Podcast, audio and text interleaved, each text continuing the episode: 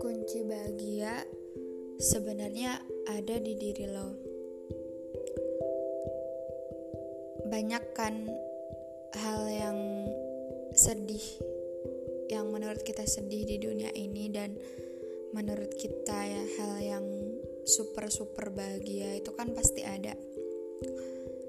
Tapi kadang yang paling sering di highlight itu perasaan sedih saat kita menerima kesedihan. Sebenarnya gini teman-teman, kalau menurut gue ya, uh, perasaan kita atau cara kita menyikapi sesuatu hal yang ada di hidup kita itu kita yang atur.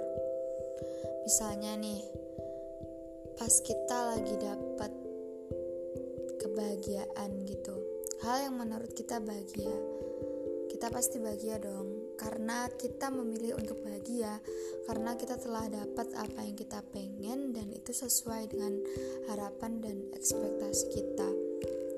Tapi kalau dapat sesuatu yang sedih langsung tuh mindset kita atau sikap kita itu berubah jadi sedih karena kebiasaan kita menyikapi sesuatu hal yang menurut kita sedih, sesuatu hal yang menurut kita gak sesuai sama ekspektasi kita itu ya dengan sedih.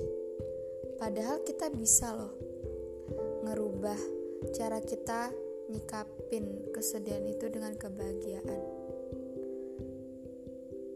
Bisa banget. Kalau kita pengen bahagia di keadaan yang sedih pun kita juga bisa gitu. Ya maka dari itulah ada quotes ya. Tahu dengar lah mestinya. Pernah dengar kalau kebahagiaan itu bisa diciptakan? Emang benar bahagia itu bisa diciptain kok? Kayak gini nih ya. Misalnya kita kan pasti punya orang yang kita tuh seneng banget sama dia. Setiap tingkahnya itu menurut kita nyenengin gitu. Meskipun mereka niatnya bukan nyenengin kita tapi kita seneng aja gitu kalau lihat tingkah mereka. Sadar gak sih? Itu tuh diri kita sendiri loh yang apa ya meng memprogram perasaan saat lihat orang itu kita jadi bahagia. Itu tuh sebenarnya kendalinya ada di diri kita. Karena apa? Karena kita suka atau seneng sama orang itu. Makanya setiap tingkahnya jadi bikin kita seneng. Tapi coba deh kalau kita lihat seseorang yang kita tuh emang dari awal tuh udah gimana ya? Bukan benci sih tapi kayak iya apa sih nih orang? gitu kayak risih gitu loh sama orang lain gitu. Apa ya bagaimanapun mereka membuat kita bahagia itu tuh tetap terlihat aneh gitu di depan kita. Karena kita emang gak suka sama orang itu kita emang risih sama orang itu.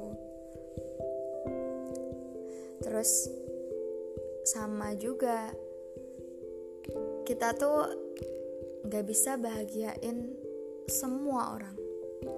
Iyalah kita kan bukan badut. Kita kan cuma manusia biasa yang kadang kita kan juga punya sedih dan senengnya. Jadi berhentilah untuk membahagiakan semua orang. Karena meskipun lo udah berusaha untuk ngebahagiain sama orang tetap aja ada yang gak suka. Tetap aja ada yang benci meskipun itu gak kelihatan ya. Gak kelihatan kan bukan berarti gak ada. Jadi ya tetap jadi diri lo aja. Hidup sesuai dengan hidup yang pengen lo jalani.